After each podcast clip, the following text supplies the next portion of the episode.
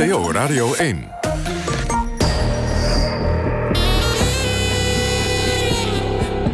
Argos.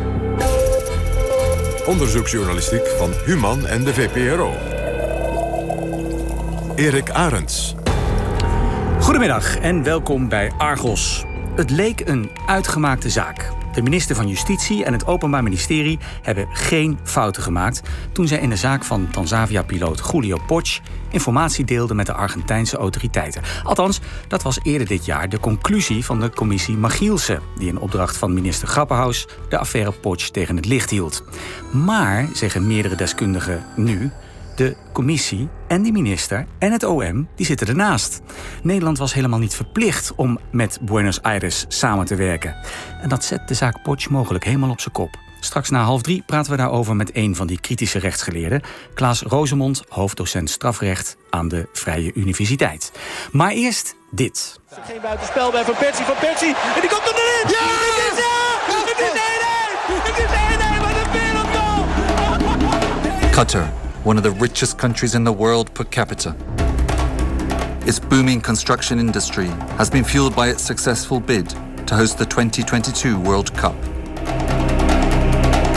But while arguments rage over the risks footballers will face playing in Qatar's extreme heat, migrant workers from Nepal are dying on the job in record numbers. That's right. The Guardian found that over 6,500 migrant workers have died in Qatar uh, since the country was awarded the contract for the 2022 World Cup uh, 10 years ago.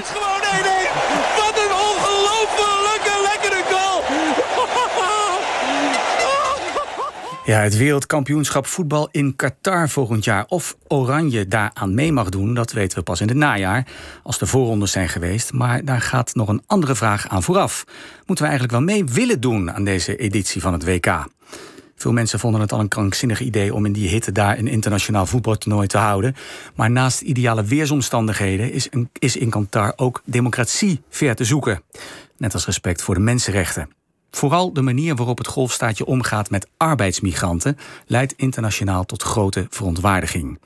De Engelse krant The Guardian meldde onlangs nog dat er meer dan 6500 arbeiders zijn doodgegaan bij de bouw van stadions, wegen, hotels en een nieuw vliegveld.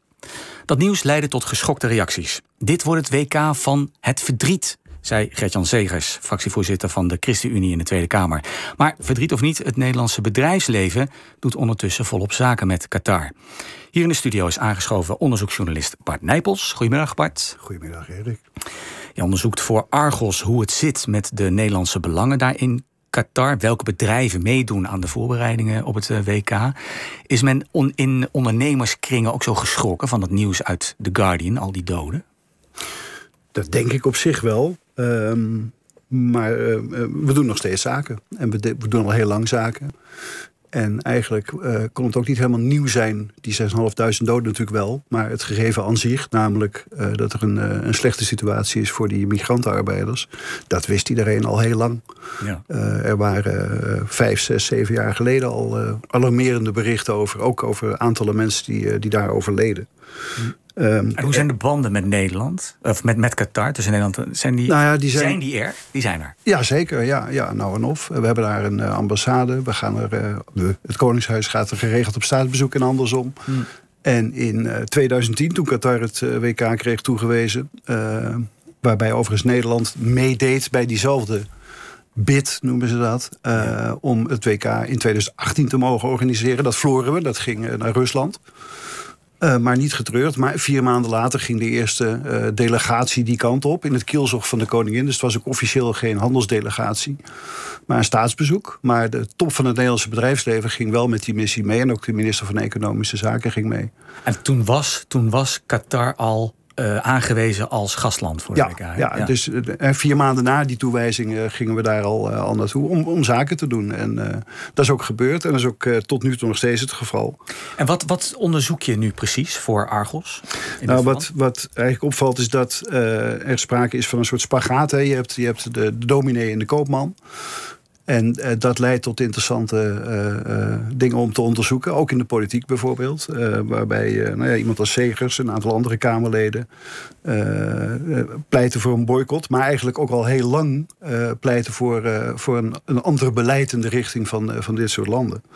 Um, en wat wil, je precies te, wat wil je precies te weten komen? Nou ja, hoe, hoe, we met dat, um, er, hoe we ermee omgaan met het feit eigenlijk dat Nederland heeft een aantal internationale verdragen getekend. Uh, en die gaan over, over mensenrechten, over het respecteren van mensenrechten. Uh, en we weten dat in dit land, wat een van de rijkste landen ter wereld is, maar ook in die hele regio eigenlijk, mensenrechten nou niet echt helemaal bovenaan de agenda staan. En je wil weten hoe bedrijven en overheden daarmee omgaan. Ja. Ja. Gaan we het zo uitvoerig nog over hebben. Maar laat ik eerst even mijn andere gast voorstellen. Gertjan Hoetjes, docent aan de vakgroep Midden-Oosten Studies aan de Rijksuniversiteit Groningen. Goedemiddag, meneer Hoetjes. Bedankt. U kent Qatar goed, maar toch even voor mensen die Qatar vooral kennen van Qatar Airways. Hè, die naam die altijd op al die voetbalshirtjes van grote clubs uh, staat. Uh, wat voor land is Qatar? Het is geen voorbeeldige democratie, dat weten we wel. Maar wat is het wel? Hoe zou u het omschrijven? Ja, uh, Qatar is een klein schiereiland dat grenst aan Saudi-Arabië. En uh, Qatar wordt sinds uh, 1860 uh, geleid door de Al-Fani-familie. Dat is de koninklijke familie al daar. Die zijn daar aan de macht gekomen, ook met hulp van de Britten. En vervolgens ja, hebben zij het land bestuurd. Alle belangrijke posities, politieke posities in het land ingenomen. En Qatar is altijd een tribale samenleving geweest... waar tribale waarden een belangrijke rol spelen. En daarnaast is er ook een hele erg strikte interpretatie van islam... vergelijkbaar met die in Saudi-Arabië. En Qatar was altijd een heel erg onderontwikkeld land... tot de jaren 50. Toen kwam de olie-exploitatie op gang. En toen is eigenlijk een moderne regering gevormd met een bureaucratie. En zijn ook de arbeidsmigranten naar Qatar gekomen om uh, te werken in de constructiesector en in de oliesector. Want Qatari zelf uh, zijn, die houden niet zo van werken? Of hebben ze gewoon te weinig mensen? Ze hebben gewoon te weinig mensen. Het is een hele erg kleine uh, bevolking. En ja, om echt die olieindustrie goed op gang te brengen... ook om de, de noodzakelijke wegen te bouwen... om, om ook ja, de infrastructuur te hebben... om die olie... Um, export gesoepeld te laten verlopen, waren er arbeidsmigranten nodig. En die zijn uh, in eerste instantie voornamelijk uit de Arabische landen uh, gekomen mm -hmm. tot de jaren 70. En vanaf de jaren 70 met name uit uh, Zuid-Azië. Dus India, Pakistan en Bangladesh. Nu is het, het, het hebben van arbeidsmigranten natuurlijk geen overtreding, geen misdrijf. Uh, toch gaat het hier nu wel over de positie van die arbeidsmigranten. Wat kun je daarvan zeggen? Is het, is het zo slecht gesteld met die mensen daar? Ja, het is, uh, het is behoorlijk slecht gesteld uh, met, met, uh, met de arbeidsmigranten in, in Qatar. ze hebben eigenlijk een minderwaardige statuspositie binnen de samenleving in, in Qatar. En ze hebben andere rechten dan de Qataris zelf. Dus uh, het is voor, bijvoorbeeld uh, verboden voor arbeidsmigranten om uh, vakbonden op te richten. Het is verboden voor hem om te protesteren. En ja, daarnaast zijn ze geheel afhankelijk van hun werkgever. Dus als iemand, een, een, arbeidsmigrant bijvoorbeeld uit India, naar Qatar wil gaan, dan regelt de werkgever de verblijfsvergunning. En vervolgens ja, kan men dan te werk worden aan het werk gaan in, uh, in Qatar. Maar zodra, uh, die, uh, zodra het werk ophoudt, dan wordt die verblijfsvergunning ingetrokken. En dan wordt ja, de arbeidsmigrant verwa daarvan verwacht dat ze zo snel mogelijk weer uit Qatar vertrekken. Dus daarom is er eigenlijk een structurele ongelijkheid. En, en daarnaast vanwege het feit dat arbeiders zich niet kunnen verenigen, omdat vakbonden verboden zijn, ze ook geen stakingen kunnen organiseren, staan ze eigenlijk vrijwel machteloos tegenover de werkgevers die alle uh, touwtjes in handen hebben. Juist. Ja, Bart, ja, je zei het al, Nederland heeft internationale afspraken ondertekend om.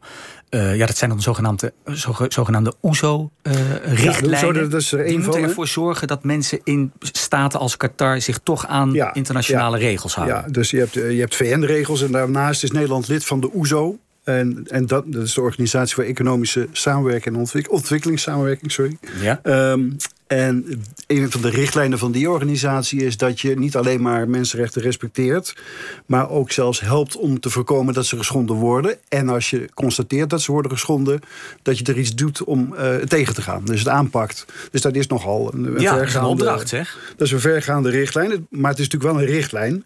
Uh, dus het is geen wet. Maar goed, het is een richtlijn. En die gaat inderdaad ver, omdat er ook nog eens een keer, een, dat noemen ze ketenverantwoordelijkheid aangekoppeld is.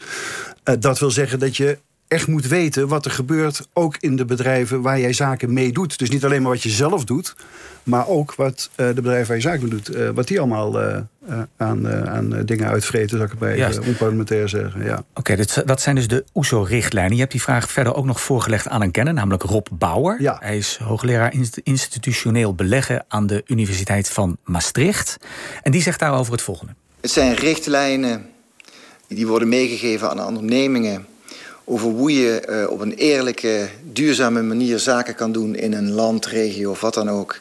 Waarbij je ook rekening houdt naast de zakelijke motieven die je hebt met de impact van je bedrijf op, het, uh, op de maatschappij en het milieu. Dat is denk ik een soort van samenvatting. Het zal zeker niet de samenvatting zijn, maar zo zou ik het willen samenvatten.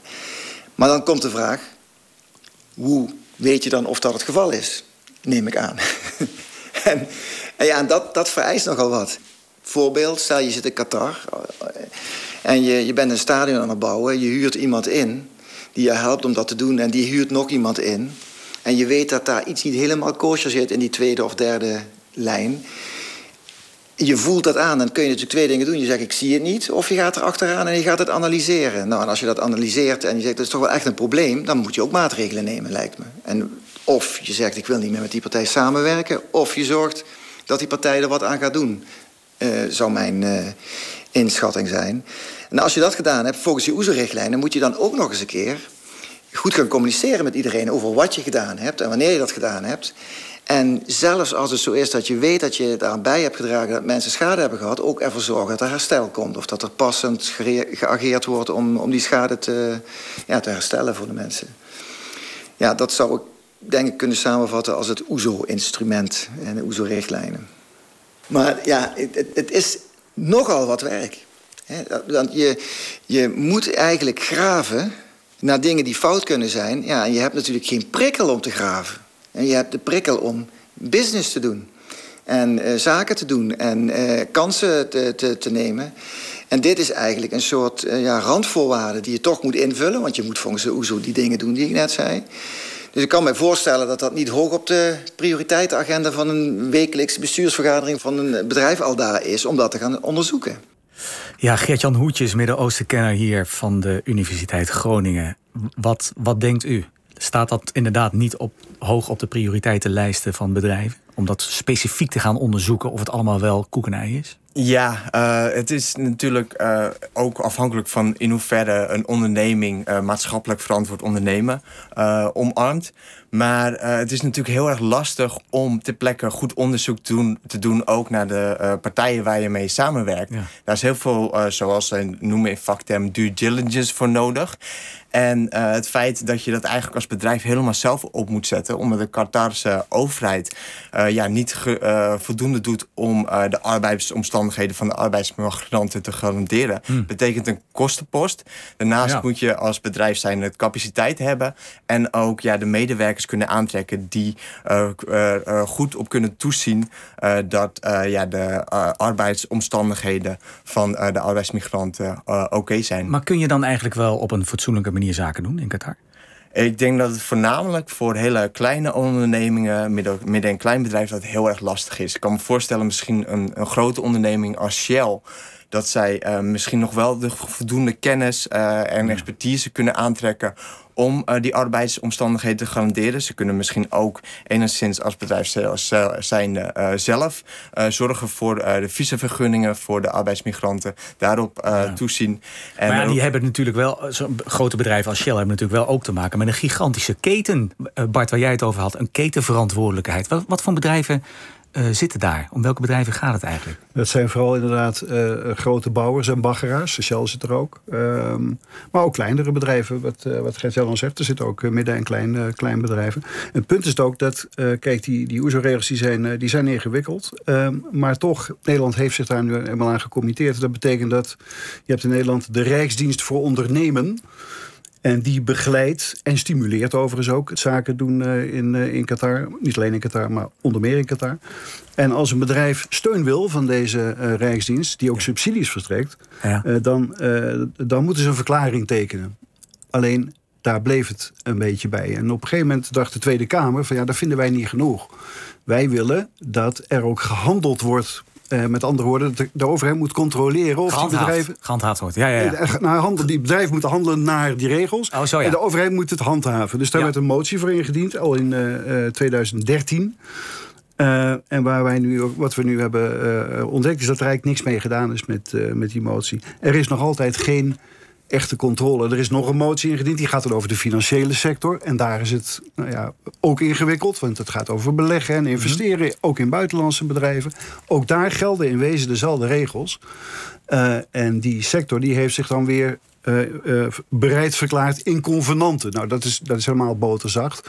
En ook daar is geen echte fysieke uh, toezicht op wat ze dan precies doen. Dus je dus weet niet of, of wat ze zeggen, of dat ook daadwerkelijk gebeurt. Ja, ja. Maar ben jij er al inmiddels achter gekomen of, of Nederlandse bedrijven uh, ja, mede verantwoordelijk zijn, bijvoorbeeld voor de doden die er nu zijn gevallen bij de bouw van die stadions? Nee, zo, zo direct zou ik dat in ieder geval nog, nog niet kunnen zeggen. Er is wel in 2014 een onderzoek gedaan door een bureau, dat heet Profundo. En die hebben vastgesteld dat toen 25 uh, uh, financiële instellingen, dus banken, pensioenfondsen, uh, verzekeraars, eh, eh, in bedrijven investeerden of leenden aan eh, bedrijven. Die mm -hmm. daar wel volgens mensenrechtenorganisaties zich schuldig maakten aan arbeidsrechten schendingen. als je het over de Nederlandse bedrijven hebt, dan, dan kunnen we, dat, we kunnen het gewoon niet zien. Wat wij nu hebben gedaan is, we hebben een enquête opgesteld en verspreid onder bijna 70 Nederlandse bedrijven. Met ook specifiek vragen hierover. Heeft u die verklaring ondertekend? Houdt u zich eraan? Hoe laat u ons dat zien? Bent u daar transparant mm -hmm. in? Nou, die enquête die heeft tot nu toe een uh, respons van om en nabij uh, de 20 procent. Ja. Dus we wachten nog even met daar uh, van alles over te gaan roepen. Tot er, Iets meer druk zetten misschien, hè? Ja, ja. en intussen is het, was het die Tweede Kamer, die, ja, die, die is het een beetje zat. En met name toen begin dit jaar bleek dat die Rijksdienst, waar ik het net over had... Die had toen op zijn website nog een oproep staan. Dus toen had je net die berichtgeving gehad in de kranten. The Guardian. 6.500 doden. En toen stond er op de website van de RVO... gaat u toch vooral uh, investeren daar in Qatar... En ook in die stadions. En toen was de Kamer natuurlijk in alle staten. Want die had ja. al geroepen, jongens, het moet strenger. En toen kwam dit er nog eens overheen. En toen was het helemaal het hek van de dam. Over de Kamer gesproken. Je sprak met twee oud-Kamerleden... Ja. die uh, zeer kritisch staan tegenover eventuele Nederlandse deelname aan het uh, WK. Sadet Karabulut van de SP en Joël Voordewind van de ChristenUnie. Laten we even luisteren wat zij te vertellen hebben. Al vrij snel nadat uh, Qatar uh, zich uh, had genomineerd en ook gekozen werd als locatie voor het WK, kwam het natuurlijk in de politiek te sprake. Omdat we wisten dat arbeidsomstandigheden bij de bouw in dit soort landen zeer ja, penibel zijn. Wij vinden het in Nederland niet normaal dat wanneer je zaken doet en stadions bouwt, dat daarbij mensen omkomen of mensen als slaaf worden ingezet. Ik vind dat ook niet normaal uh, voor landen zoals Qatar en arbeidsmigranten die uit die regio komen? Ik volg het WK vanuit dat oogpunt al jaren, maar ook andere sportevenementen zoals de Olympische Spelen. Ik heb toen opgeroepen tot een boycott van de politiek, in ieder geval de afvaardiging. Um, toen de Olympische Spelen in China uh, plaatsvond. We hebben toen discussies gehad over Rusland. Want daar speelde hetzelfde. In de, met de bouw van het Olympisch dorp in, in China zijn ook heel veel mensen omgekomen. Ook dwangarbeid uh, plaatsgevonden. De arbeidsomstandigheden waren slecht en onveilig. En al die zaken heb ik toen aan de kaak gesteld. En niet zozeer tot een boycott van de sporters opgeroepen, maar van de afvaardiging van Nederland. Ik vond dat het niet gepast was om daar de kurken van de champagne af te halen. Uh, terwijl er zoveel leed had plaatsgevonden. En het herhaalt zich nu weer met uh, Qatar. Nederlandse bedrijven, multinationale bedrijven, hebben zich te houden aan mensenrechten.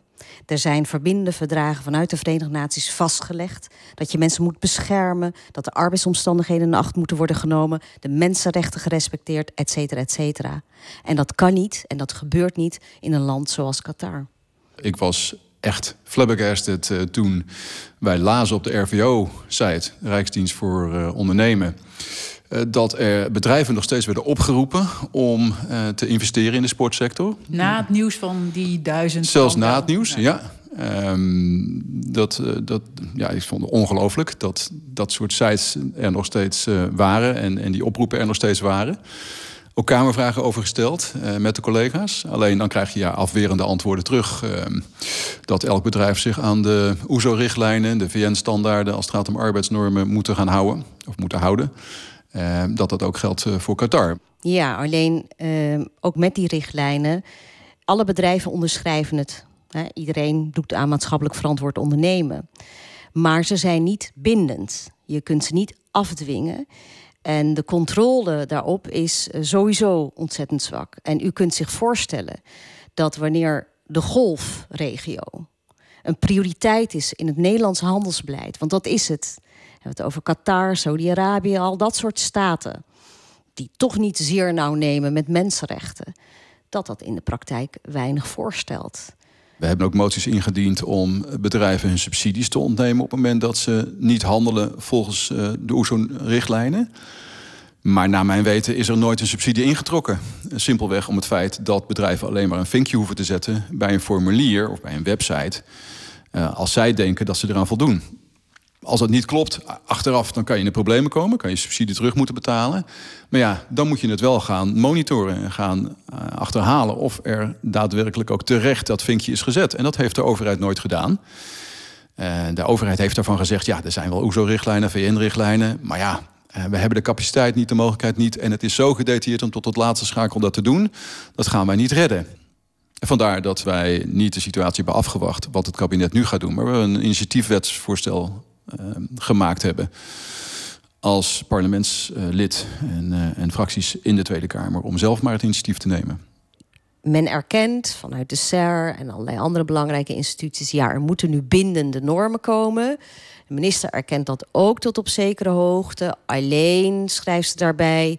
We moeten wel kijken hoe uh, we moeten dat misschien in Europees verband doen. Alleen laten we dan niet gaan afwachten tot Europa zover is. Laten we Europa uh, voortstuwen tot grote hoogtes. En door een eigen wet alvast te maken... die volledig in overeenstemming is met die OESO-richtlijnen. Zoals Zo, dat in andere landen Zoals dat in andere landen. Hè, Frankrijk, eh, Engeland was het eerst in 2015 al. Frankrijk 2017, Duitsland inmiddels.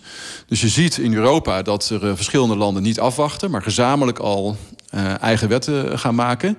Nou, het zou mooi zijn als Nederland daartoe ook komt. We blijven achter tot nu toe. Wij blijven achter, ja. We hebben de mond vol. Hè. We zijn de, de, de, hoofdstad van het internationaal recht willen we, willen we zijn, internationaal. Maar op dit gebied, op arbeidsnormengebied... Uh, lopen we echt achter als het gaat om wetgeving. Uh, dus laten we nu zo snel mogelijk tot een wetgeving komen. En, en dan kunnen we met de grote spelers die daar een voortrekkersrol hebben in Brussel gaan kijken hoe we daar tot een Europese richtlijn moeten komen. Maar niet afwachten totdat Brussel een keer uh, wat, wat voorstelt. Hoe belangrijk is dat voor u, dat wetsvoorstel? Nou, het is enorm belangrijk. Niet alleen uh, voor Qatar, maar voor ja, eigenlijk iedereen. En zeker de arbeidsmigranten in de wereld die vaak aan het kortste end trekken, worden uitgebuit. Om dat toch enigszins uh, te stoppen. Dat bedrijven eigenlijk niet boven de wet staan, maar ook gehouden worden aan normale principes zoals mensenrechten. Aldus oud Tweede Kamerleden Sadet Karabulut van de SP en Joël Voordewind van de ChristenUnie. Even Bart Nijpels hier in de studio. Wat is nou de status op dit moment van het wetsvoorstel van Voordewind? He, dus om bedrijven meer te kunnen dwingen dat zij zich houden aan de regels als het gaat om mensenrechten, arbeidsrechten. Het voorstel heeft hij uh, ingediend op zijn laatste dag als Kamerlid in, ja. in maart. Um, en wat ik van hem begrijp is dat als dat de molen ingaat, daar zit het nu in. En het gaat allemaal zoals het zou moeten. Het wordt allemaal goedgekeurd, wordt geamendeerd enzovoorts. Dan mm. zou die uh, ongeveer uh, begin 2023 zou het een wet kunnen zijn of worden. Dan zijn wij al wereldkampioen. Dan zijn wij al wereldkampioen. ja, dus voor die mensen is het, is het te laat. Ja. Dat, dat vindt, en dat begrijp ik ook, dat vindt Voor de Wind natuurlijk een buitengewoon cynische conclusie. En die zegt dan ook van, ja, luister even, we doen het. Dat is waar, dat is heel erg. Maar we doen het natuurlijk voor de miljoenen anderen. En dan verwijst hij bijvoorbeeld naar de Oeigoeren en allerlei andere China, mensen ja. en, en, en bevolkingsgroepen die zwaar eh, in, in dit soort problemen verkeren. Ja, ja. Maar, maar toch, Gertjan Hoetjes, je zou ook kunnen denken... Ja, met de komst van het WK zijn juist alle ogen gericht op Qatar. Het is juist nu een goed moment om te investeren... want dat verandert de situatie misschien ten goede. Ja, eh, eigenlijk sinds de toewijzing van het WK zijn de ogen van de wereld op eh, Qatar gericht.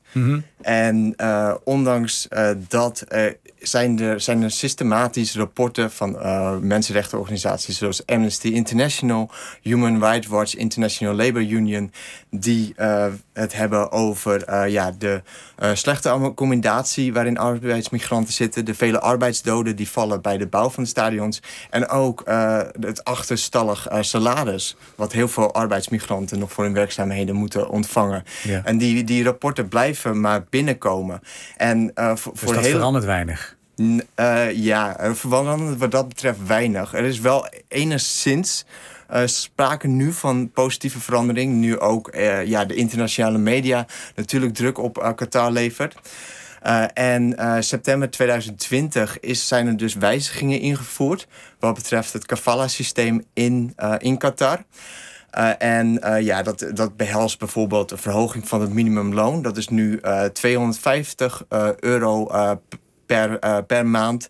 eh, als eh, de werkgever accommodatie biedt en voedsel aan de arbeidsmigrant. Als Dat is een vooruitgang. Dat is een vooruitgang, Mm. want het minimumloon was dus, Ja, dus ja. lager.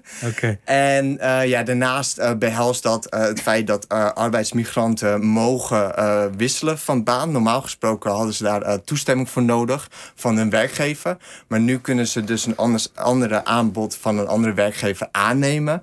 Maar hebben ze wel te maken met een opzegtermijn.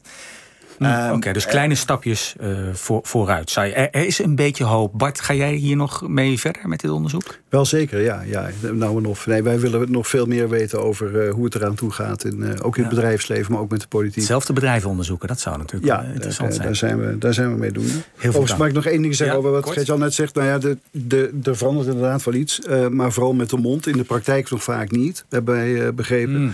En een ander ding is dat er bijvoorbeeld recent nog een activist is opgepakt. Een, een Qatar, Qatarese activist. Die zich druk maakte om de positie van die arbeidsmigranten. En die zit al drie weken eh, gevangen, heb ik begrepen. Nou ja, vinger aan de pols houden, ik hoor het al. Heel veel dank voor ehm, jullie komst. Met je verdere onderzoek veel succes. Onderzoeksjournalist Bart Nijpels. En ook dank Gert-Jan Hoetjes, universitair docent aan de Rijksuniversiteit Groningen. En wilt u nog eens nalezen hoe de Nederlandse koopmansgeest kan botsen met de roep om een betere wereld? Ga dan naar onze site argosonderzoekt.nl. NPO Radio 1. Argos.